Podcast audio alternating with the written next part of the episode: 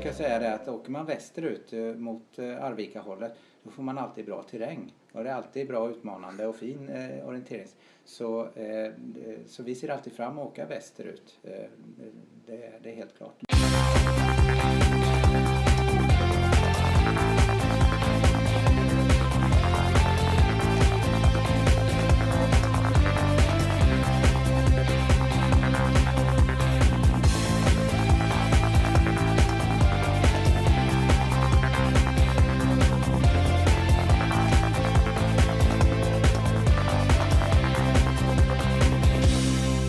Där! Här kommer nu en ny podd från Radio O-ringen, avsnitt 79 med fokus på O-ringen 2017 i Värmland och Arvika till sommaren. Anmälningsstopp 2 närmar sig nu. För anmäler man sig senast den 1 april så är det 20% lägre pris än ordinarie. Så jag, Per Forsberg, åkte till Värmland för att träffa två av huvudpersonerna inför sommarens O-ringen generalsekreteraren Kristina Gabrielsson och tävlingschefen Magnus Albinsson som bägge med stor tillförsikt ser fram emot att välkomna alla till Arvika vecka 30 2017. I podden får ni förhoppningsvis en bra inblick i vad som väntar, både terrängmässigt och allt det där andra som är viktigt för att få en fin orienteringsvecka i Värmland. Oavsett om ni springer, cyklar eller satsar på precisionsorienteringen. Förhoppningsvis så svarar den här podden på en del frågetecken ni eventuellt har inför beslutet att vara med eller inte. Och till att börja med så förklarar generalsekreteraren Kristina Gabrielsson varför Värmland och Arvika står som värd för sommarens höjdpunkt, O-ringen 2017. Ja, jag tror att det beror på att det var länge sedan som Arvika arrangerade, eller Värmland arrangerade. Det är över 20 år sedan. Så det fanns ett intresse av att lägga O-ringen i Värmland. Men sen är det också så att man gjorde en förstudie och såg att det, ja, det finns bra förutsättningar för O-ringen.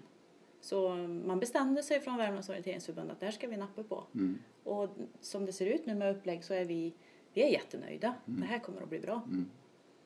Det finns ju de som varit här tidigare, Magnus. 1976 var ju första gången i Värmland, uppe i Ransäter. Det stämmer. Ja, och sen 20, nej förlåt, 1996. Var det i Karlstad? Då var det Karlstad ja. Jajamän. Har du varit med i bägge dem eller? Ja, i på, något, på något hörn liksom? Ja, i Karlstad var jag med på ett hörn, men eh, inte som arrangör. Vi flyttade till Värmland då, jag och min fru.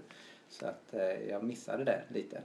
Eh, och eh, därför känns det jätteroligt att kunna eh, arrangera nu. Ja. Men Arvika, du bor ju i Arvika Kristina. Ja. Vad, vad, är, vad, vad, är det för samhälle slash stad? Eller vad, vad kallar, är, kallar det för stad eller? Jo men det är absolut en stad. Eh, så. Och det har varit en stad eh, länge och den ligger tillräckligt långt ifrån Karlstad för att ha sitt, eh, sin kärna kvar. Ja. Och det är viktigt för det, då finns det service och det finns utbud. Och vi ligger också nära Norge och det gör också att vi har mer service och tjänster, bil ja, bilverkstäder än vad vi borde ha i förhållande till eh, befolkningsmängden. Mm. Så det är ett levande samhälle. Mm. Ja. Vad långt är det från Karlstad?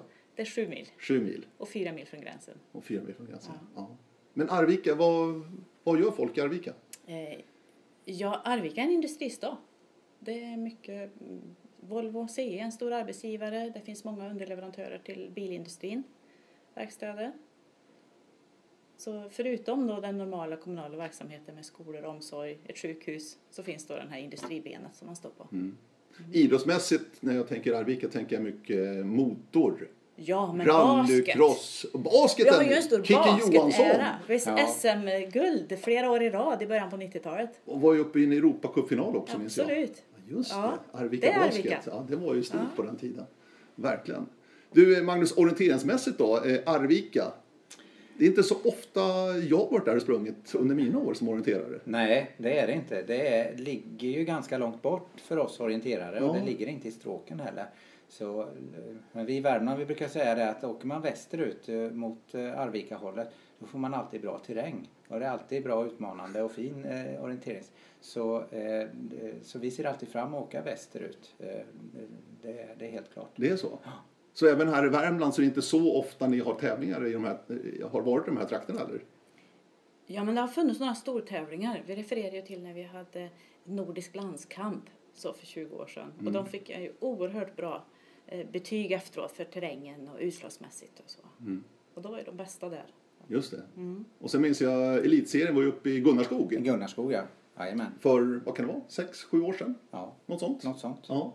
Där också en väldigt bra tävling Mm. och, och väldigt stort. Då. Vi är ju inte jättemånga orienterare i Värmland så våra vanliga tävlingar blir ju inte så stora. Utan eh, vi har väldigt många eh, mindre arrangemang, närtävlingar och eh, kupper av olika slag. Mm. Vi har en, en sommartävling som går varje år, Morokuliens tvådagars som ett samarrangemang med, mellan en norsk och en svensk klubb som alltid går på gränsen där. Mm. Eh, Men det är inga, det är inga eh, stora regelbundna tävlingar i Västvärmland. Det är det inte. Men jag tänker så här lite grann också. Orienterare är ju rätt nyfikna och vill testa på lite nytt och komma till nya områden för deras egen skull. Så känner jag det ibland. Det kan vara väldigt spännande att kunna säga att där har jag aldrig sprungit tidigare. Så det kan ju passa bra här att kanske inte sådär jättemånga som provar på de här trakterna och är nyfikna nu och vill komma till sommaren och testa på de här områdena.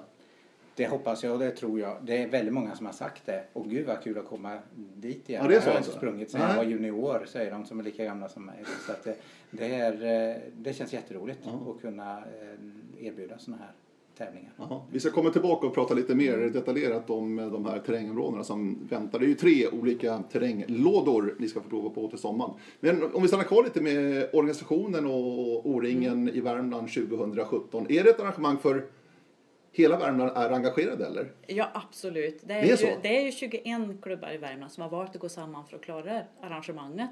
Vi räknar väl med att vi kanske är 600 aktiva orienterare eh, i en vanlig Värmlandssäsong som är ute och springer Ja. tävlingar. Och det, ligger där på en 600 Ja, alltså? 600. Och det säger ju någonting om hur stor utmaningen är för oss att ta oss an det här.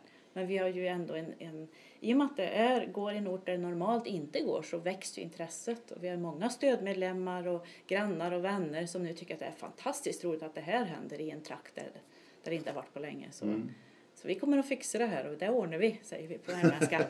men, eh, men det är en utmaning och vi har verkligen fått eh, nagelfara och handplocka personer till uppdrag. Vi får, måste ta vara på alla så att Mm. rätt person kommer på rätt plats. Hur, hur bygger ni alltså? Jag tänker OK Tyr är den stora föreningen ändå Mm. här i Värmland, i Karlstad. Har, de, har klubbarna några speciella ansvarsområden eller hur jobbar ni? Nej, vi har tänkt precis tvärtom. Just det där att vi är så få gör att vi kan inte dela ut uppdrag till olika klubbar. OK Tyre är stor. Sen har vi några som är medelstora. Sen har vi väldigt många små klubbar. Och då betyder det ju att vi måste ta vara på personerna i de här föreningarna istället. Och vi kommer att hjälpas åt att fördela uppdrag lite grann utifrån vart platsar man bäst och vad kan man bidra bäst. Mm. Så tänker vi. Hur har resan varit då? Det är inga problem liksom att få engagemanget utifrån klubbarna här i problem, det, Värmland? har, det har varit roligt för det har klivit fram lite nya människor i det här eh, O-ringen-arrangemanget. Vi är ju en ledningsgrupp på 12 personer. Vi organiserar oss väl som tidigare år har gjort det här. Det är ett brett arrangemang. Det är så Mm. mycket mer än tävling. Nu får du ursäkta Magnus här men vi är, en, vi, är, vi är en stor ledningsgrupp och det är många utmaningar. Och då måste vi också ta vara på personerna. Så, och det, det syns så tydligt. Mm. Eh, Men vi är så här långt nu. Just nu så har vi 760 namn redan eh, uppradade som ska vara funktionärer i sommar och vi söker de här sista 500 nu som Mm. behövs. Men det svåra är ju, alltså, vi kan ju orientering, vi kan skogen väldigt Ja. bra, där är vi väldigt duktiga, men allt det andra, det är kanske det som är det svåra ändå. Att få på plats och, och få det bra. Ja, och det är ju det här att det är stort. Det, är stort, det ställer mycket krav. Och det märks så tydligt att vi har så många beroenden. Vi har gäster när vi kommer ut. Det blir min ledare på i nästa O-ringen-tidningen. Det, här, det är så tydligt att vi inte kan komma och diktera villkoren utan det är ju vackert fråga. Kan vi vara i era markområden? Vi, vi, vi önskar att vara här men det är inte förrän vi har ja från privata skogsägare som vi faktiskt kan dra igång och rita kartorna. Mm. Eh, Så vi är verkligen beroende av alla som vi kommer i vår närhet Mm. i och med att vi är så stora. Då. Hur länge har du, Kristina, levt med O-ringen Ja, Värmland 2017? Ja, det är ju över tre år nu. Så, så jag tycker vi är nästan där nu. Det är ju ingen tid kvar alls. För mig är det jättenära. Mm. Men du, eh, varför hoppar du på det här jobbet? För att det är inte så många kvinnor som har varit generalsekreterare genom åren. Nej, det kanske inte är det. Nej. Det, det har jag inte reflekterat över att jag är kvinna. Men Nej, jag, jag bara orient- noterar jag är orienterare. Jag har aldrig varit elitorienterare. Men jag är motionär. Och jag, och jag har varit med, mitt första O-ringen var på Anderstorp i Småland 83. Mm. Och sen har jag varit med i över tio år O-ringen genom åren, lite då och då. Och jag tycker det här är fantastiskt kul att det kommer till Värmland. Men hur tänkte du när du hoppade på det här jobbet? Jag är nyfiken.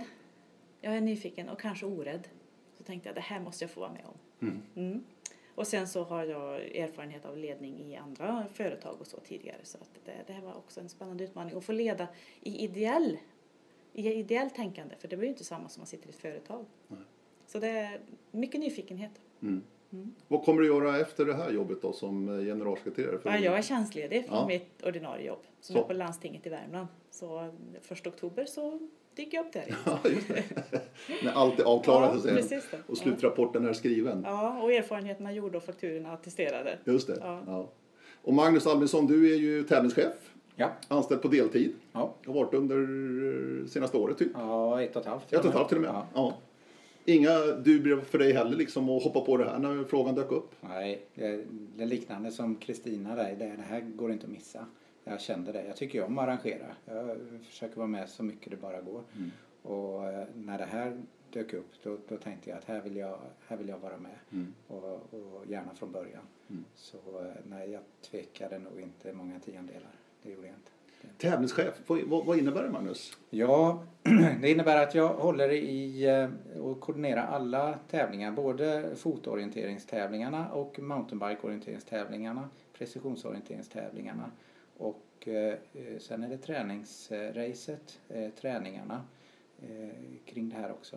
Så att det är ganska många områden. Jag tror det är eh, 11 arenor som vi använder totalt och ganska många kartor eh, och, och de delarna. Eh, Så jag koordinerar tävlingsdelarna från eh, startportalen till måltältets slut ungefär är mina ansvarsområden. Så, En bra definition där. ja, den är, och den är tydlig också Ja. där. Så allt, i början var det mycket markägarkontakter och få till arenorna. Nu är det mer att eh, få organisationen på plats och, och fördela lagom stora uppgifter. Men du, berätta, hur, hur går det till? Nu har ni ju ett antal områden som ska användas i sommaren. Alltså. Hur går man tillväga? Sätter man upp en stor karta? Där ska vi vara, där ska vi vara. Eller hur jobbar man för att hitta de här områdena initialt? Ja, det är ju ett ganska långt jobb. Jag förstår det. faktiskt. Ja. Eh, Och, och, Men berätta lite grann om gången. Hur, hur, har, hur har ni jobbat liksom för att hitta de här områdena? Vi satte oss ner, eh, som många som känner terrängen och är vana i Västvärmland, eh, satte oss ner och, och gjorde en kartrek runt ett bord. Och så markerade vi, eh, ja först var det kanske 35 platser. Att här, här, här är ett fint område, här skulle vi kunna vara.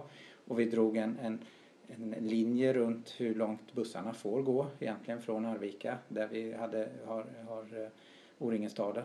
Eh, och de här 35, när vi tittade på eh, bussvägar och så, då blev det 20 kvar som vi sa att, att det här är, här är möjligt. Då tog jag och Andreas Blomgren som, som har gjort jättemycket kring det här, vi tog och åkte runt till alla de här platserna. Det är arenorna som är det svåra. Eh, vi har väldigt många fina områden men arenorna är svåra. Vi åkte runt till alla de här platserna och graderade dem utifrån ett antal kriterier. Eh, vi fick eh, sju arenor kvar eh, som vi sa att det här vill vi undersöka mer. Då bildade vi två stycken grupper eh, med provlöpare egentligen som fick, vi tog ut digitalkartor över de här områdena. De sprang över områdena, gjorde exempel på kort bana, lång bana och så hade vi ett, antal kriterier, eh, jag vet inte hur många. Mm. Av det så fick vi kvar då eh, fyra arenor som vi sa att eh, de här vill vi jobba vidare på. Och då kontaktade vi eh, fastighetsägarna på eh, arenorna och, och såg hur intresserade de var. Och eh, då var det en arena där, där, vi inte, där det var väldigt svårt att komma till helt enkelt. Eh, Fastighetsägarna hade inget intresse alls av att eh, vi var där. Och då hade vi tre arenor kvar efter det. Mm. Och de är det just nu. Ja.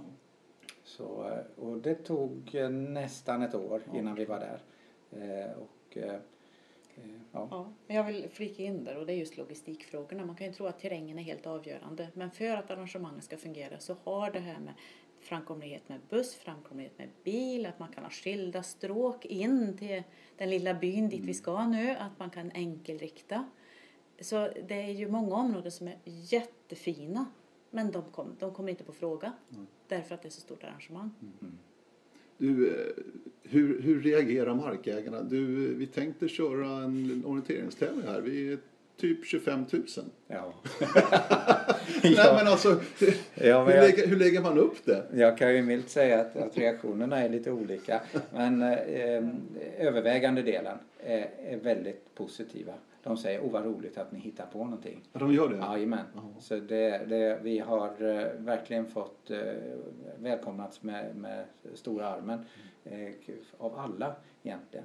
Sen är det några som tycker att eh, det är jättebra att ni kommer med O-ringen men varför bör ni vara precis just där? Eh, och eh, då har vi diskuterat lösningar eh, och, och, och så är det ju.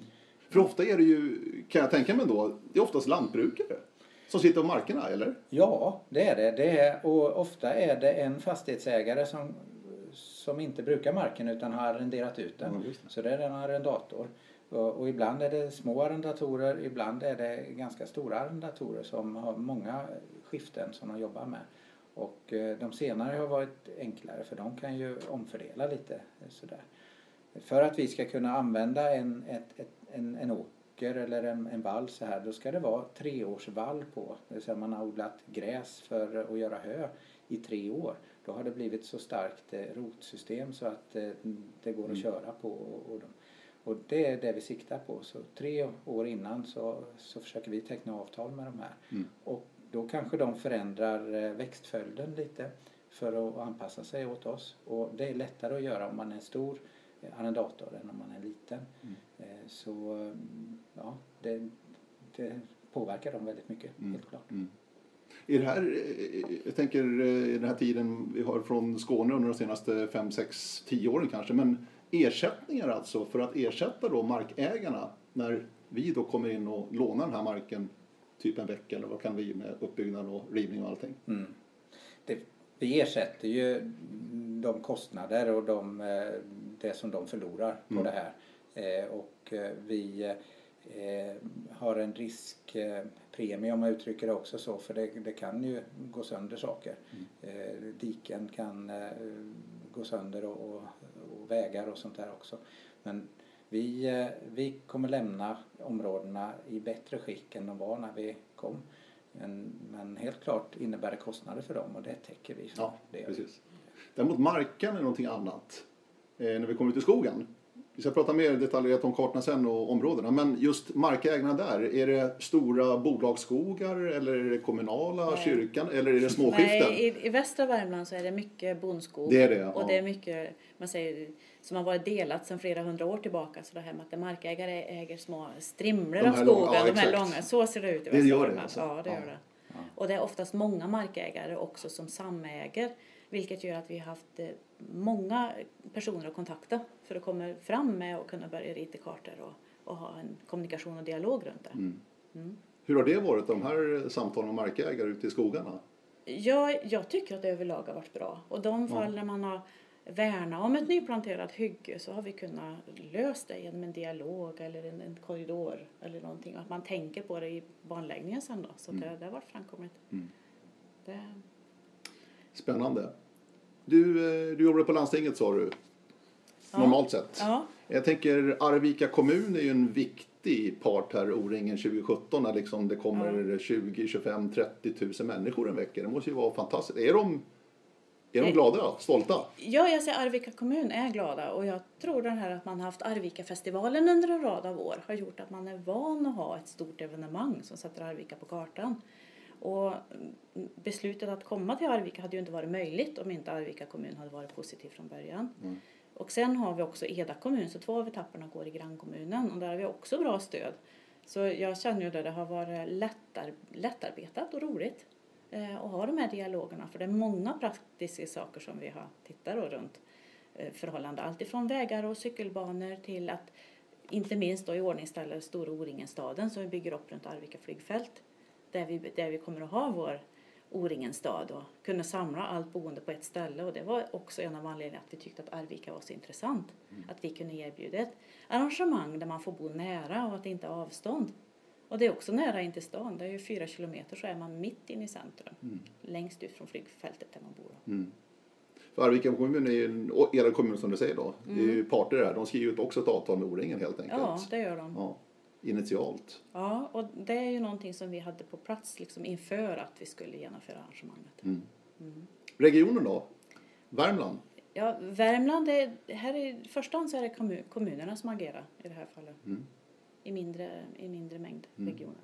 Du var inne på O-ringen-staden ute vid flygfältet alltså. Mm. Nära motorbanan. Ja, Det ligger precis där, där eh, femte och sista etappen då för eh, Ja. orienterarna ska genomföras på gångavstånd då. Hur kommer det bli där ute? O-ringen-staden? Ja, O-ringenstaden, vi har ju satsat på bra service. Det kommer ju, vi, kommunen bistår med att gräva ner avloppsledningar och vattenledningar och el. Så vi har vattentoaletter på plats på 20 genstationer och det tror jag kommer att bli väldigt uppskattat. Eh, Vi har också fler elplatser än vad det har funnits något år. Och de är ju redan fullbokade då, men så mycket som 600 elplatser har aldrig funnits tidigare år. Och 2400 platser räknar vi med att vi kan ha. Då har vi lite marginal att ta bort de som vi inte vill ha längst där det är för kuperat eller så. Så det kommer att rymmas. Kommer det fyllas det där? Det är redan bokat till hälften. Det är det? Ja, eh, nu har vi ju 5900 anmälda, lite drygt. Och det pekar ju på att vi kommer att bli större än vad Borås var om vi håller samma anmälningstakt in i mål. Då.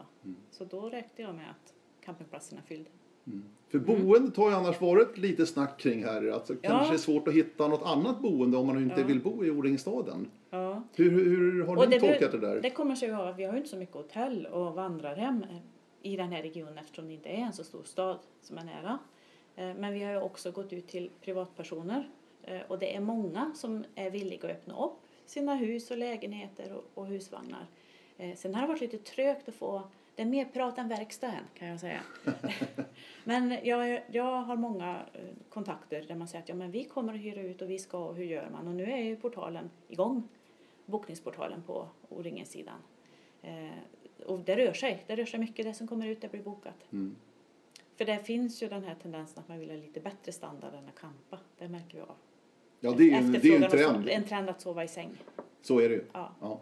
Men helt klart så är vi avhängigt av privatboende för Mm. att det ska lösa sig. Eh, det var en fantastiskt bra siffra efter första anmälningsstoppet då, drygt 5200, någonting sånt. Någonting sånt. Någonting ja. sånt. Ja. Hur, hur reagerar du på det Magnus? ja, jag blir jätteglad. Ja. Ja, jag, Stärker det någonstans? ja absolut. Ja, men då känns det att vi är på rätt väg och att, vi, att eh, vårt budskap har gått fram. Att eh, det här blir ett väldigt roligt och trevligt eh, och intressant O-ringen. Det, det är man alltid lite osäker på om, om man förstår eh, ute i orienteringssverige. Men nu fick vi kvitto på det, att, att det här är på rätt väg. Och det stärker. Då vet vi att nu vet, ja, vi är på rätt väg helt enkelt. Och det som du sa Kristin också, det var ju en bättre siffra än vad Borås hade då 2015 Ja. som var ett väldigt lyckat O-ringen. Ja, vi har jämfört oss mycket med Borås därför att upplägget är väldigt lika. Vi har några, då, en avslutning som är nära Arvika men sen har vi riktiga landsbygdsarenor ut, ut på landet i en liten by. Så. så vi har ju tittat mycket på vad de gjorde som var bra och vad fungerar bra. De hade också väldigt peppade funktionärer och mycket att erbjuda och, och ja, vi speglar oss i det. Mm.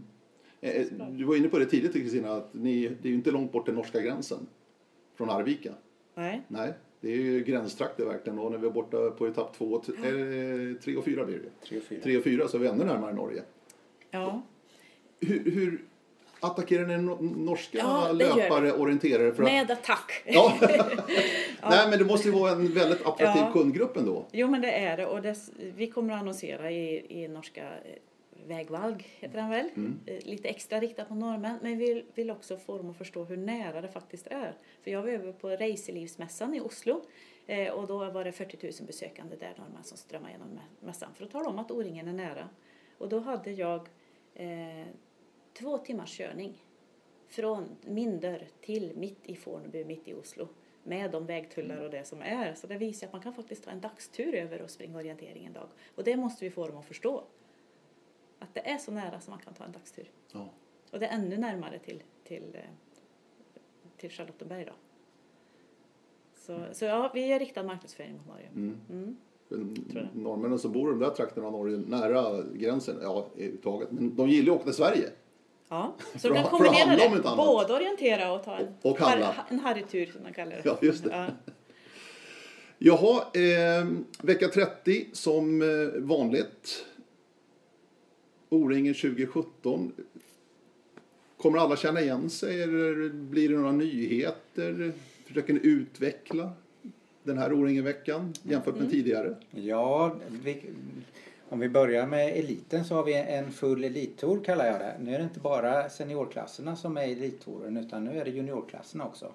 Och eh, det innebär att eh, även juniorerna springer sprint. Eh, en etapp är sprint i Arvika centrum. Det kommer bli jättespännande och gör att det blir mer fokus på juniorklasserna tillsammans med seniorklasserna i, i elittouren. Mm. En annan nyhet är ju lite nya typer av klasser. Det här eget upplägg. Vi, vi erbjuder en möjlighet att eh, göra sitt eget femdagars utifrån sin egen eh, förmåga och kapacitet och kanske variera både längd och svårighetsgrad under veckan här i, eh, i ett eget upplägg. Där ersätter motionsklasserna och challenge eh, de delarna. Mm. Även om vi har, gjort en, vi har gjort en översättningstabell så de som känner sig hemma i motionsklasserna och challenge ska hitta en, ett, ett upplägg, ett eget upplägg som motsvarar de, de delarna. Eh, och, men det ger även möjlighet att, att, att, lägga till en etapp med lite längre eller lite kortare. Eh, och det tror vi är, eh, det blir en nyhet eh, som jag tror är är väldigt populär och kommer finnas under lång tid. Min känsla är annars att orienterare är ganska traditionella utav sig. Mm. De har svårt för förändringar. Mm. Kommer de ta, alltså förstå det här? Att man liksom kan springa 3,5 km svart varje dag, det hade jag gjort. Mm. Om jag kört eget upplägg liksom, det var perfekt. Ja. Ja. Nej men alltså, jämfört med open-klasserna eller de öppna klasserna tidigare. Mm. Jag tror att det tar lite tid. Jag tror att eh, vi är inne i en förändrings tid nu. Mm. Eh, det kommer ta lite tid och vi kommer hitta våra vägar fram där vi eh, kanske tävlar på ett annorlunda sätt än vad vi gjort tidigare. Eh, uppdelat i kön, uppdelat i mm. ålder eh, är kanske inte så modernt framöver utan snarare uppdelad i, i kapacitet och orienteringsförmåga. Det är både roligare att tävla i och, och attraktivare att, jämföra sig med. Mm. Så att, det tror jag, men det kräver lite vana och, ett annat synsätt. Mm. Eh, och där, där är vi inne i den nu. Men jag tycker man har funnit en bra medelväg där nu med de här paketen ändå av banor. Mm. Att man kan vara som jag, D55 mm. och anmäla mig i det som förr var motion men ändå ett paket med banor så att jag kan tävla mot mina kompisar runt om i Sverige som jag vet att jag har efter alla dessa ja. år. Så. Mm. Så nu tycker jag, nu har verkligen O-ringen funnit en bra väg framåt. Det mm. öppnar för variation men ändå så kan man få den här paketet så att jag kan få känna igen mig och ha mina kompisar som jag har runt om i Sverige. Mm. Jag har ju fått feedback på, från juniorer som är väldigt, väldigt glada att liksom, de tas ännu mer på allvar åt den här elittouren du pratar om, att även de fyra juniorklasserna ja. inbegriper det. För att juniorerna lockar sig till O-ringen verkligen. Det är otroligt bra startfält. Mm.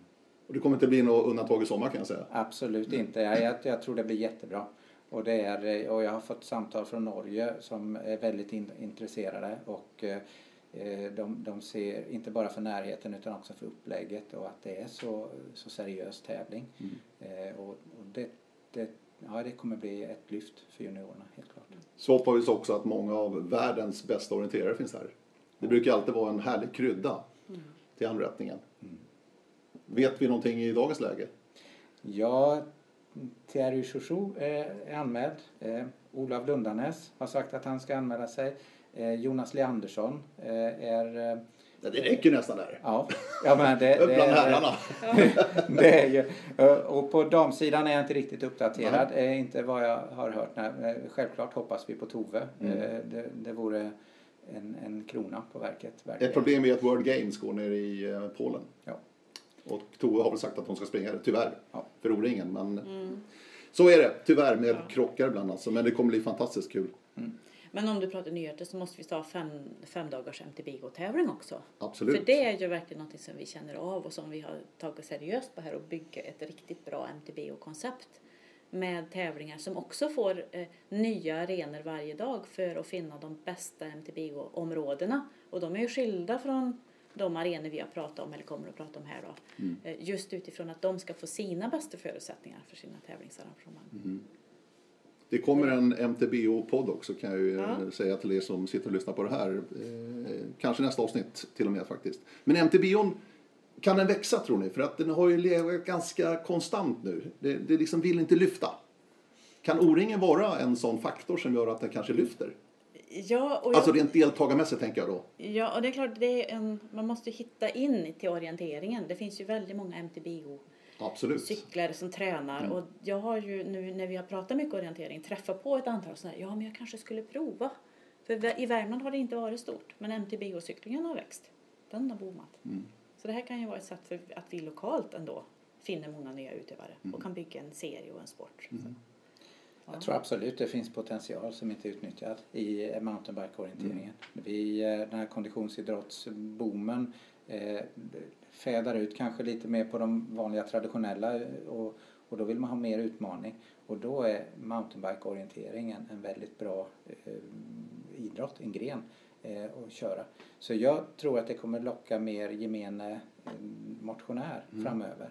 Och orientering är ganska krävande, vanlig fotorientering är ganska krävande men cykelorientering eh, är lättare, lägre tröskel att komma in på. Det är, eh, det är enklare orientering, det är eh, cykelförmågan som, som eh, till stor del, man har stor nytta av det. Är man färsk orienterare så har man inte så stor nytta av sin löpkapacitet för man kan inte springa så fort som man skulle vilja. Mm. Men på MTBO så kan man ofta cykla mm, bra ändå. Mm. Och, så jag tror att den är verkligen på väg framåt och den har potential. Jag, det är svårt det här. Vi, jag måste, som tävlingsansvarig så har jag ju sett många utmaningar i MTBO-områdena. De, eh, att, att arrangera en tävling som är större än det här, som kanske blir mot tusen deltagare. Det kräver både stor tid, ett stort område, eh, mycket tankar kring logistik. Eh, det är en säkerhets, Absolut. säkerhetsfråga. Sen är det en, en rättvisesak också. Det här att, att några ska starta eh, tillsammans med de som är långsammare som stoppar upp på stigarna eller inte. Eh, och hur ska man reglera det för att det ska bli bra? Eh, så det, de här aspekterna är vi ganska vad ska vi säga, omogna med i, i eh, både O-ringen och i Sverige tror jag att, att hantera. Eh, Vi har inte så mycket erfarenhet här i Värmland utan vi har fått lära oss allt eftersom här. Och eh, det här kommer också göra att det, jag, jag tolkar det som att det finns potential att bli bättre hela tiden. Så, eh, och i, i samma takt som arrangemangen blir bättre då tror jag det kommer strömma till folk också Mm. här. Eh, Men hur var det, MTBO-kompetensen när ni drog igång det här? Inte så där jättemånga som håller på här i Värmland eller? Nej, det är det ju inte. Nej. Det är inte så många som håller på. Det har blivit mer och mer. Eh, och vi, I fjol startades en MTBO-cup i Värmland som har varit väldigt populär. Eh, så här kommer det och det, det har ökat. Och O-ringen, MTBO O-ringen är en bidragande faktor till att det ökar också. För det, det är engagemanget ökar. Mm. Det, är, eh, det är helt klart. Mm. Eh, O-ringenstaden, Kristina. Mm. Du var inne på det lite grann med hur det kommer att se ut. Nu, nu är vi tillbaka med en O-ringenstad och ett torg då som alla som bor där i alla fall har nära till. Ja. Så var det inte i Sälen i fjol till exempel. Alltså förutsättningarna är ju olika från år till år. Men jag minns i Boden, som var ganska likt det här faktiskt som blir Arvika nu, att torget är ganska centralt och nära för alla. Att ta sig till torget från O-ringen-staden då ute på flygfältet. Mm. Och det, just det här att det kommer att vara nära har gjort att vi har verkligen försökt att jobba på det. Att det är där man hänger, där ska det hända saker. Och vi pratade ungdomar förut, att elittouren är viktig. Så tror vi också att det ska vara, det är ju hela semesterveckan, det är ju hänget, det är kompisarna. Så vi har ju tänkt mycket på det. Och vi har en arbetsgrupp som bara jobbar på vad ska hända på torget. Och de har spånat fram massa bra idéer. Bland annat så kommer det att bli ett ungdomstält där det finns möjlighet till häng, spel, eh, ladda telefonen, ja och jag kan inte allt. Men Nej. de har redan massa, en lång lista på saker som ska hända i det här tältet. Eh, Vi har fått ett jättebra samarbete med en lokal aktör som är Arvika Kanot och Turistcenter. De kommer att bygga upp en åkattraktion uppe på, på O-ringenstaden. En mm. sorts linbana. Sån här, ja, någonting händer det. Eh, och de har en permanent höghöjdsbana som ligger ett par kilometer söder om Arvika som ju alla kan testa under veckan. Men just att man bygger upp någonting ute på O-ringen-staden, det är ju kalasroligt. Verkligen. Och så kommer den traditionella brähögen tillbaka. Ja. Vi har eh, ju fått en sponsor i form av Moälven och de kommer att köra dit ett lass och det vet vi att det är uppskattat de år vi har fått till det. Ja. Så. Eh, Det minns jag från Boden faktiskt. Ja. Inne på arenan där. Ja. I ena hörnet där på konstgräsmattan var ju en brädhög som Ja. blev, ett, ja, det blev som en borg i slutändan tror jag. Ja, så den, den kommer tillbaka. Ja, det är bra. Ja. Det gillar jag. Ja. Och många bra samarbeten så vi kommer att få dit eh, också försäljning av kvalitetshantverk. Arvika konsthantverkare och Karlstad konsthantverkare kommer att finnas med försäljning av sina saker. Vi har linneväveriet, Klässbos linneväveri som partner och de kommer att ha försäljning på torget också. Så flera saker flyttar in till oss på torget där. Mm. Eh, Så vi, det ser vi fram Det kommer att vara en plats där man kan hänga på, finna saker. Och förutom då den stora sportshoppen och restaurangen som är etablerad också. Hur är det med förnödenheter? Alltså mjölk och bröd behöver alla, mat och Mjölk, sådär. mjölk och bröd. Och vi pratar med alla dagligvaruhandlare Det finns i ingen Arvika. dagvaruhandel ute på Det Oringstaden? finns kioskerna. Ja, kioskerna finns ju. Mm. Kioskerna finns och de kommer nog ha ett bättre sortiment än på länge. Just för att vi har lokala aktörer som är där och fyller på bra samarbete. Mm. Eh, Så vi, kioskerna kommer att finnas men sen är det fyra kilometer in till centrum. Tre kilometer till närmsta affär tror jag. Mm. Man kan cykla. Men är de redo för den här anstormningen? För att jag minns, eh, det här är ett väldigt bra exempel Ja. från Halmstad 2012. Ja. Eh, Ica Maxi är ju en gigantisk stor affär. Ja. Alltså han trodde inte sina ögon, chefen. Jag pratade med han var ju hos oss på radion till och med. Ja. Han var helt chockad. Ja. Alltså det var helt länsat, framförallt mejeri och brödavdelningarna. Ja. Han hade aldrig sett något liknande. Ja, men Är jag- de redo? Det är det Är de redo? Jo, de är så redo att de faktiskt, handlarparet i Arvika, de var uppe i Sälen och jobbade två dagar i ICA-affären där. För att, de, för att verkligen sätta sig in i vilket sortiment, Mm. hur är anstormningen. Så jag, jag vill nog säga att med den erfarenheten så tror jag att de är preppade. Och de här handlarna ser fram emot O-ringen-veckan kan jag förstå. Ja, det gör de ju verkligen. Ja, det är klart. Det är klart de gör. Ja, Jaha. det gör de ju. Men det är en utmaning och likaså sjukvård. Det är också en liten stad. Hur, vad händer då på vårdcentralen när vi kommer? Vi har ungefär, vi har tittat mycket på statistik, ungefär 100 personer söker läkarkontakt Per dag. per dag. Ja. Det har varit om vi har tittat de senaste åren. Så det ska vi vara rustade för. Och där har vi fått ett bra samarbete med landstinget nu som kommer att, att finnas på plats med både läkare, sjuksköterska och sjukgymnast.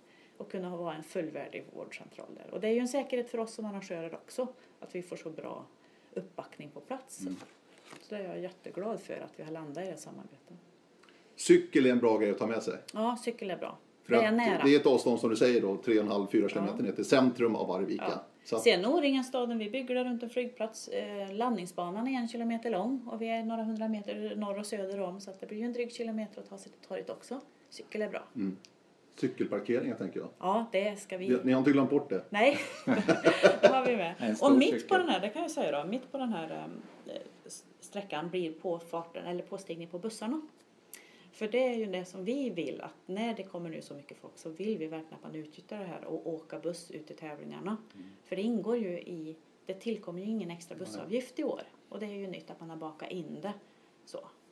Så vi hoppas ju verkligen på att alla tar den möjligheten och vi kommer också ha parkeringsmöjligheter i anslutning till busspåstigningen. Så bor man nära så kan man ställa bilen uppe vid bussparkeringen eller busspåstigningen och ta bussen till arenorna. Mm. Så alla måste inte ta egen bil ut. Det, det Det är den där- där avvägningen. Så. Ja, och det där är väl en nyckel överhuvudtaget. Att försöka hitta att det är korta avstånd till, till bussen. Alltså vad det gäller Ja. Påstigning, avstigning, Ja. även ute i etapperna. Vi har ju jobbat med vilda sköna Värmland som Mm. går till och vilt det ska det vara i skogen och där kommer inte ett enda älgspår kommer man se på hela veckan.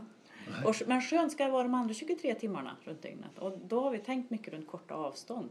För det som man inte vill ha det är ju det här att det ska ta tid att förflytta sig och så. Så bussningen kommer ju vara det absolut bästa sättet att ta, vara nära för då blir man avsläppt verkligen på arenan. Så. Och bil får man gå lite längre. Mm. Men eh, åker man buss då är man nära. Eh, om vi tar oss in i terränglådorna lite grann Magnus. Eh, jag tänker på avstånd också till start och sånt där. Är det också någonting ni har tagit, alltså funderat kring och verkligen försökt att hålla ner avståndet till start? Ja, det har vi försökt men vi vill heller inte göra avkall på banorna. Så där, eh, framförallt skulle jag vilja säga att vi har lagt starterna efter samma snitsel eh, så att de ligger efter varandra. För att kunna gå till flera olika starter utan att behöva gå tillbaks till arenan. Där.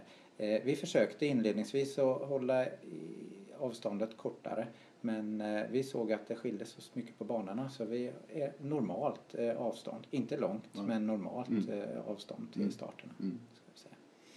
Eh, etapperna då, eh, etapp 1 och 2, nu pratar vi alltså för de som springer fotorientering. Ja. Eh, så är alltså Klässbol heter det väl då?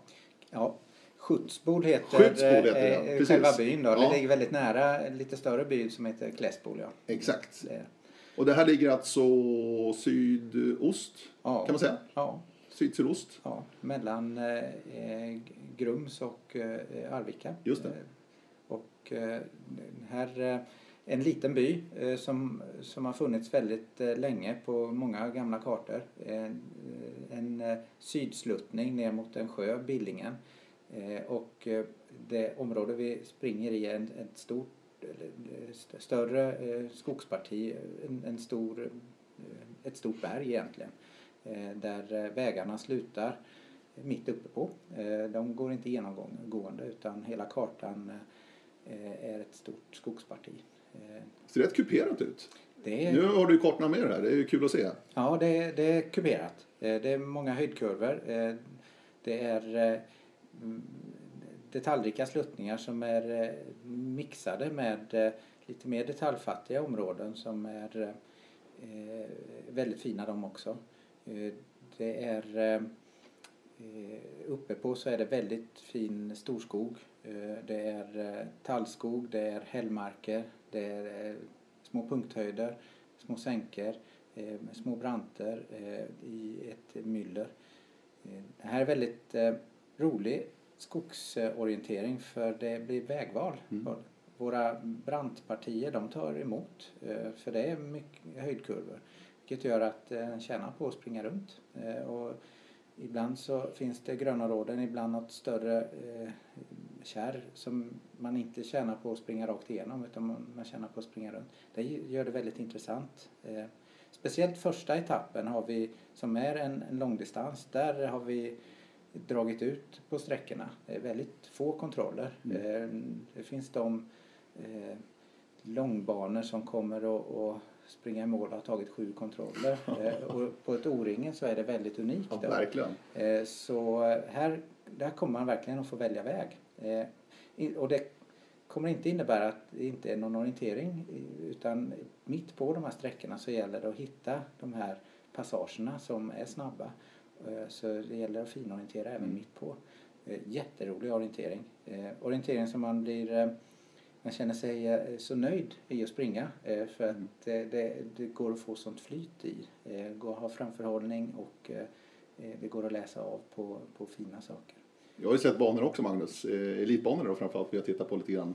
Eh, och jag kände en liten flashback tillbaka nästan till 70-talet när jag kände banläggningen. Ja. Alltså det, det är rejäla långsträckor liksom, det är inga, inga massa kontroller. Även på elitsidan? Även på elitsidan, Precis. Ja. absolut. Ja. Nej, det är, och det är en karaktär vi har försökt ha på speciellt första etappen. Mm. Här, för det, området passar för det och eh, eh vi, eh, vi vill erbjuda det helt mm. enkelt. På tal om passar, passar eliten men passar även den oerfarne nybörjaren och även ungdomarna på ett bra sätt eller? Ja, det gör det. Det här området är så bra så att längre närmare arenan så finns det fler stigar, det finns fler ledstänger, eh, terrängen är inte fullt så krävande. Så de kortare banorna och, och, och lättare banorna har ett eh, stignät som med viss komplettering eh, har blivit väldigt bra. Mm. Eh, och det är, eh, det är tur det. det, är tur det. Skjutsboll alltså etapp 1 och etapp 2 sen då? Då är. Då är det östra delen av den kartan, samma område. Så man, man springer med samma eh, arena men, men eh, två olika. Och då är det en förkortad långdistans. Eh, och då, eh, då blir det lite mer av eh, lite kortare sträckor. Eh, vi kommer att eh, springa upp eh, på två eller tre olika berg och det blir väl, lite mer, vad ska vi säga, variation. Mm. Eh, här går det att ösa på på vissa håll och ibland så måste man verkligen dra i handbromsen och, och finorientera. Mm. Eh, vilket blir spännande, eh, helt klart. Eh, avslutningen är, är snabb och eh, lite, eh, lite annorlunda jämfört med inledningen. Så här gäller det att, att klara av att hantera olika Mm. orienteringstekniker, vilket jag tycker är roligt. Kristina har varit ute och känt på terrängen eller? Ja, det har jag. Och det, I norra delen av det här området har ju vi haft en karta sedan tidigare. Ja. Så där har vi ju haft både tävlingar och träningar. Då. Så det är ju det är så fint när den kommer ut uppe på höjderna där, när det blir lite magrare så. Och man kan ta vara på att det är bergdagen och att man springer upp. Känner man att man, att man är i Värmland eller? Ja, det tycker jag eftersom jag är uppväxt i västra Ja, det är Värmland så är ju det Värmland för mig. Men Värmland, karaktären är ju så olika i Ja. östra och västra. Ja. Det är, I östra är det mycket mer stenbundet och Mm. kommer du lite norrut så har du de här stora sluttningarna, lite mer dalaterräng. Terräng, Mm, men en mm, karta kan vara en hel sluttning. Mm. Och så ser det ju inte ut här. Så Värmlandsterräng är lite svårt att säga faktiskt. Ja, det finns alla sorter. Ja. Ja. Eh, bra Magnus. Eh, 3 och 4 sen, då är vi alltså i Eda kommun nära Koppom i Boda, heter det. Stämmer det? Ett fantastiskt läckert område måste jag säga när man ser kartan. Det är ju otroligt häftigt. Och väldigt annorlunda etapp 1 och 2. Ja, det är det. Väldigt annorlunda. Med långa höjd, höjddrag liksom. Långa höjddrag och på... Känns lite Göteborg på något sätt. Förstår du? Jajamän. Det är lite åt det hållet liksom. De här långa åsarna, de långa höjderna. Så fint att etapp två får utgå för eliten för att de ska Ja. få springa här. Bara det säger Stämmer, någonting. stämmer. Stämmer ja. De För- springer ju etapp 1 och sen har de eh, vilodag, Vilodag, kan man säga. Ja. För sen på aktivitetsdagen är sprinten då Stämmer. för alla sex elitklasser. Och här har vi ett område då där det är långsträckta eh, åsar eh, som eh, sluttar norrut också. Och där västsidan av, av åsarna är de här brant, eh, brantkanten. Eh, och precis som i Göteborg så är det inte möjligt att ta sig upp för eller ner för de här branterna ibland. Vilket gör det väldigt eh, spännande med vägval. Det gäller att tänka till. Här gäller det att tänka till och, eh, och titta. Det här är en karta där eh, fem meter är fem meter i ekvidistans också. Och eh, det är noggrant att kanske hålla höjd eller inte eh, beroende på vad man väljer för strategi. Och, eh, eh, men det kommer att ha betydelse. Eh, Höjdkurvorna har betydelse för det är ett, en, ett krävande fjäll kallar vi det. Det kallas Bodafjället. just det det. Ja. Det är inget kalfjäll på något sätt men eh, från högsta och lägsta punkten så, så är det 200 höjdmeter i, på Mm. kartan. Mm. Vilket gör att eh, eh, avslutningen på alla banor är en lång sluttning. Eh, och eh, mycket nedförslöpning givetvis. Och, eh, men, och, och skillnad på terräng nere i, i närmare dalen och uppe på höjderna. Det är det. Är det här ett område som är använt tidigare? Ja, det fanns en karta från 1988 Ja. eh, som användes då. Och, eh, men den är inte karterad sedan dess. Eh, så det gick en tävling 88, en tävling 89.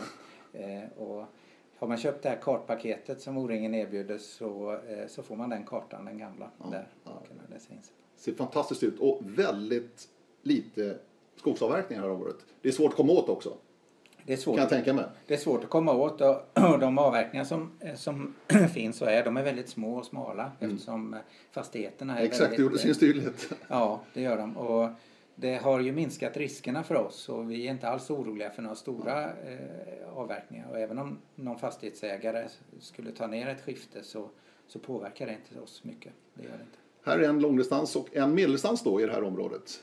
Stämmer. Mm. Etapp 4 är medeldistans och eh, då kommer vi utslutande vara på nordsluttningen av det här fjället. Och eh, ba- banorna kommer att, starta eh, ganska långt ner på den gamla banvallen.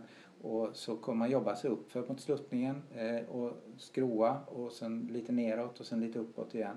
Det här blir en väldigt spännande medeldistans. Mm. Bra karaktär på banorna och spännande orientering hela vägen in. Helt klart.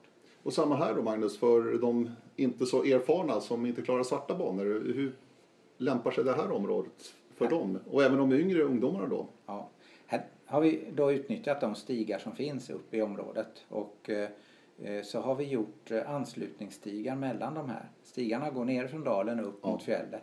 Eh, fjället och, och, men mellan de här stigarna så har det inte funnits någonting. Och då kom vi, har vi tillverkat stigar och vi kommer att snitsla för de allra eh, vad ska vi säga, enklaste banorna.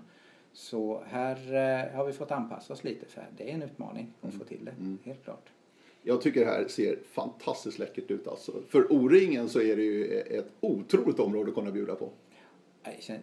Fantastiskt roligt att kunna eh, ja. erbjuda det här. Och jag tror, jag, vi har fått till det väldigt bra. Barnlägarna har jobbat eh, stenhårt med att eh, försöka eh, göra eh, bra banor som inte är för krävande eh, för de som inte behöver det. Starterna, man går upp för på en gammal fäbodväg eller stig eh, så långt upp som man egentligen kan. Startar där uppe, får fin orientering uppe, kommer ha utmanande vägavsträckor lite på, vad ska jag säga, på tvären Eh, och sen så kommer man gå ner på de här fina åsarna. Så det, det är, eh, det är krävande orientering men den är, den är väl, de har gjort ett väldigt bra jobb här mm. Eh, att få till det. Hur, hur är alltså, det ser väldigt mycket vitt ut. Sikten, hur är det med den och löpbarheten sånt här, i sånt här område? Sikten är väldigt god. Löpbarheten är också god. Det är frodig undervegetation i form av blåbärsris, skvattra, mordom och, och och eh, så är det mossbundet vilket gör att man sjunker ner en del. Eh, det, eh, de hällstråk som finns de är snabbare mm. att springa på. De mossar som finns emellanåt de, de blir lite tunga helt klart. Så man ska inte bli rädd om man blir trött här uppe även om det inte går så mycket uppför. För det är helt naturligt. Vill man träna på någonting innan så träna mycket på att lyfta benen här. Mm. Eh, för eh, blåbärsriset är, är, eh, är krävande. Men det är väldigt vad ska jag säga, man blir väldigt glad att springa den här terrängen för den är väldigt skön att titta på och, och vara i. Mm. Så det uppväger väldigt mycket att man sjunker, sjunker ner lite i mossan. Jag ser fram emot det där. Har du varit där också Kristina? Ja, det har jag Ja, jag var nog med på den när det var tävling 88. Ja, just det. Ja. Ja. För det här är alltså uppe i eh, Koppomstrakten då. Eh, västerut alltså? Västerut. Från Arvika? Ja, nordvästut. Mm. Och det här är de dagarna man har längst busstransport va? Mm, stämmer bra Cirka? 30 minuter. 30 minuter, en halvtimme ja. ja ut till Boda då för att ta sig ut till etapp 3 och 4. Mm. Sen etapp 5 då, då är vi ju i Arvika, Rackstaområdet som ju ligger i ja, nordost då om Arvika.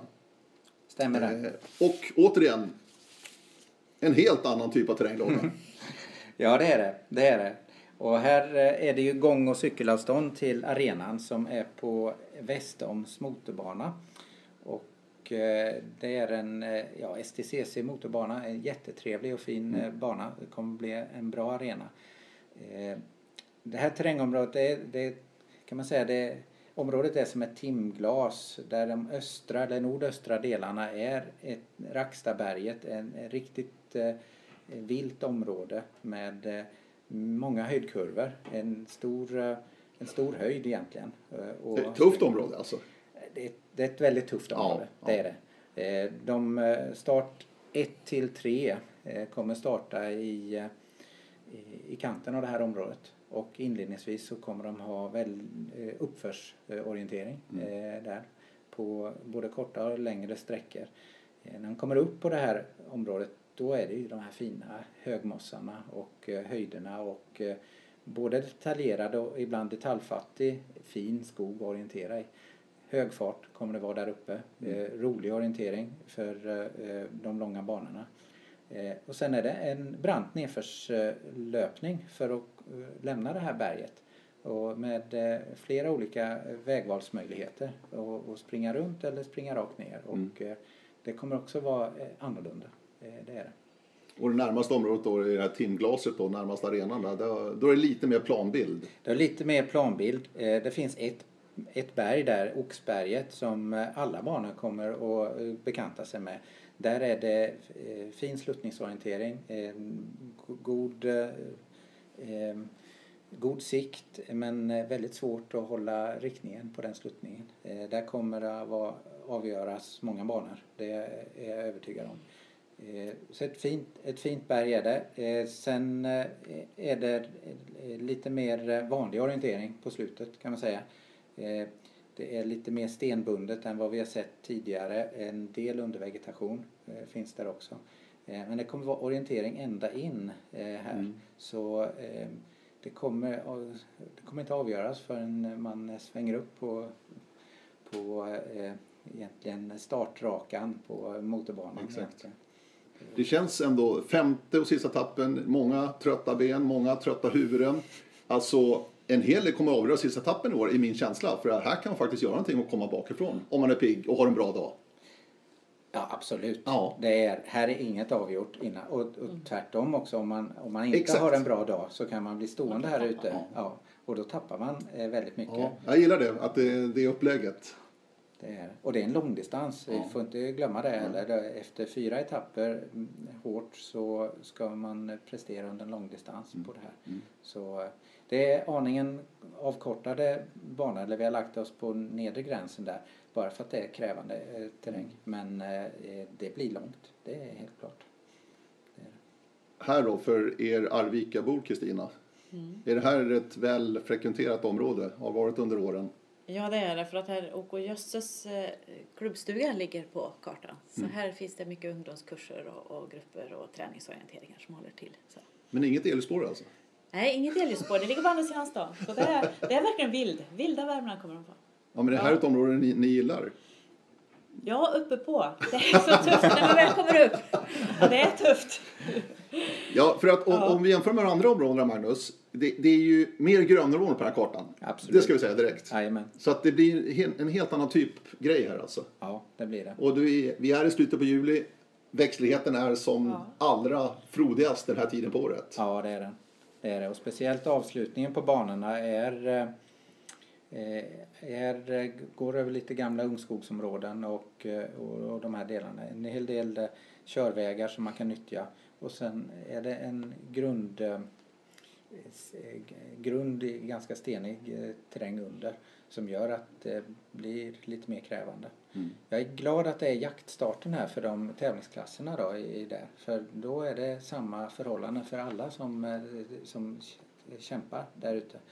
Eh, här är det annars eh, lättare att springa längre bak. I, Det blir spårigt eh, alltså? Det blir spårigt. Mm. Det är helt klart. Ja. Men eh, det kommer vara samma förutsättningar för Absolut. i tävlingsklasserna. För. Mm. Ja, spännande. Väldigt spännande. Och den här dagen har alltså MTBO målgång tillsammans med alla övriga. Men de är inte i det här området och cyklar. Nej. Utan de är på västra sidan så att säga.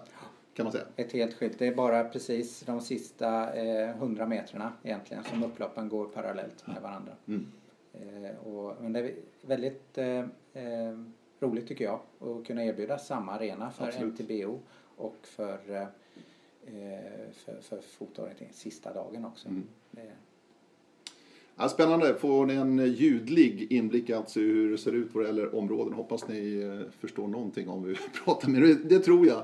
Eh, som sagt var, nu närmar sig anmälstopp här den 1 april. Får se hur många som rasar in då. Hur ser tiden ut nu framöver här? Nu liksom allting accelererar kan jag tänka mig när det gäller planeringen och förberedelser inför vecka 30. Ja, nu är det ju mycket praktiskt som ska falla på plats, alla grejer. Vi har ju haft materialsatsen eh, på plats eh, minst ett år. En del körde vi direkt ifrån Borås hit saker. Så nu inventerar vi och ser att vi har alla saker på plats och vad måste vi komplettera med. Också detaljplanera, vi letar fordon, vi letar, ja. Så nu är det mycket praktiskt som ska falla på plats.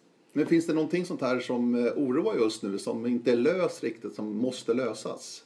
Ja, eh, det finns inget stort som har gått Nej. emot oss kan jag säga. Men just det där att få saker att falla på plats nu då, det, det är ju ett jobb att göra det. Och mycket är runt det här praktiska. Fordon, logistiken, buss, parkering, att vi verkligen har finräknat nu på hur mycket avfarter måste vi ha i vår, eh, utifrån eh, landsvägen in på parkeringsytorna och sådär. Så att nu är vi nere på finliret och planeringen. Mm. Så. Ja, det ska bli spännande. Ja. Jag tycker det ser väldigt, väldigt bra ut när man ser kartorna här och de områden som ni löpare kommer att erbjudas. Vi har varit inne lite grann på eh, orienteringen och, och eh, MTBO, mountainbike-orientering, som alltså har fem etapper eh, i år för första gången. Eh, som O-ringen erbjuder det. Eh, precisionsorienterarna ja, finns ju alltid med. ja, Ja. Och eh, vad är det för upplägg där för precisionsorienterarna heter det som man? det är fem etapper och alla fem etapperna går i absoluta närheten till Arvika. Eh, två går, ja tre skulle jag säga, fyra kanske går inne i, i närområden. Mm. Ja, alla går i närområden. Eh, så eh, kring, på cykelavstånd egentligen från O-ringen-staden. Det kommer bli fem bra etapper. Inget gemensam arena med fotorientering. Det lyckades vi inte få till. Nej. För det var inte bra förutsättningar för pre- precisionsorientering. Nytt för i år är att starttid är 13.00. Vilket gör att eh, precisionsorienterare kan ta en vanlig bana innan. Eh, och tvärtom. En, vanlig orienterare kan testa på pre och efteråt. Det finns eh, öppna banor, två stycken varje dag. Vi kommer ha en, en, en typ av precisionstävling också, precisionsorienteringstävling på aktivitetsdagen också om det är någon som vill prova på det. Här, eh, så det, jag tror det blir ett Mm. väldigt bra upplägg Mm. eh, för precisionsorienterarna Mm. eh, och kommer verkligen vara eh, med i, i O-ringen-cirklarna eh, hela tiden. Jag skulle runda av det här nu. Eh, avslutningsvis bara. Eh, torget i Arvika kommer vara i Ja. fokus några Ja. gånger den här veckan. Det kommer att byggas upp en stor scen där. Axelstafetten kommer gå där i samband med invigningen då på lördagen, Ja, precis som vanligt. ja Och sen då på aktivitetsdagen som är tisdagen. Är det väl? Jo, Ja, det är tisdag. tisdag. Det är tisdagen i veckan. Och då blir det större arrangemang inne i stan. I och med att juniorklasserna kommer dit och springer redan på eftermiddagen. ja. Så att det blir en, nästan en Ja. hel dags, ja förmiddag ingenting, men eftermiddag och tidig kväll så kommer det alltså vara sprint inne i Arvika. Vad, vad tror vi om, eh, jag tycker det ser häftigt ut med sprinten här i Arvika. Det är läckert alltså. Det är läckert, det är häftigt. Det är ju eh, mitt på torget så det är mitt i centrala. Vi kommer stänga av eh, många gator eh, och kunna orientera. Vi har många bakgårdar och sådär eh, som eh, kommer vara inne och vända på eller springa igenom. Eh, vi har några eh, terrängområden också som man kommer eh, tangera. Ja. Så jag, det ser väldigt bra ut. Och så finns det kupering också. finns det kupering Vilket också. är väldigt, väldigt bra tycker jag i sprint. Ja. Så att, eh, jag tror det kommer bli väldigt, väldigt bra faktiskt. Och juniorerna är jätteglada att de får springa sprint också. Ja, vad roligt. ja, ja, det känns roligt. Ja. Fantastiskt kul. Eh, Kristina Gabrielsson och Magnus Albensson. Tack snälla. Och första april alltså, då är det anmälningsstopp vad gäller ordinarie anmäl- an- anmälningsavgifter va? Nej, det är första juni. Det är första juni, precis. Ja. Nu är det reducerat med 20 procent. 20 procent. Ja. Så Så vill man ha det. 20 procent rabatt då anmäls man innan första april. Ja. Får se hur många norrmän som anmäler sig. De Ja. bryr sig inte om pengar. Jo, det är bara skoja. De är varmt välkomna. Tack snälla! Tack så Ja, mycket. Tack själv. Och som sagt var, hör av er gärna med önskegäster och annat till radio Vi säger tack och ifrån Värmland inför O-ringen 2017. Hej då!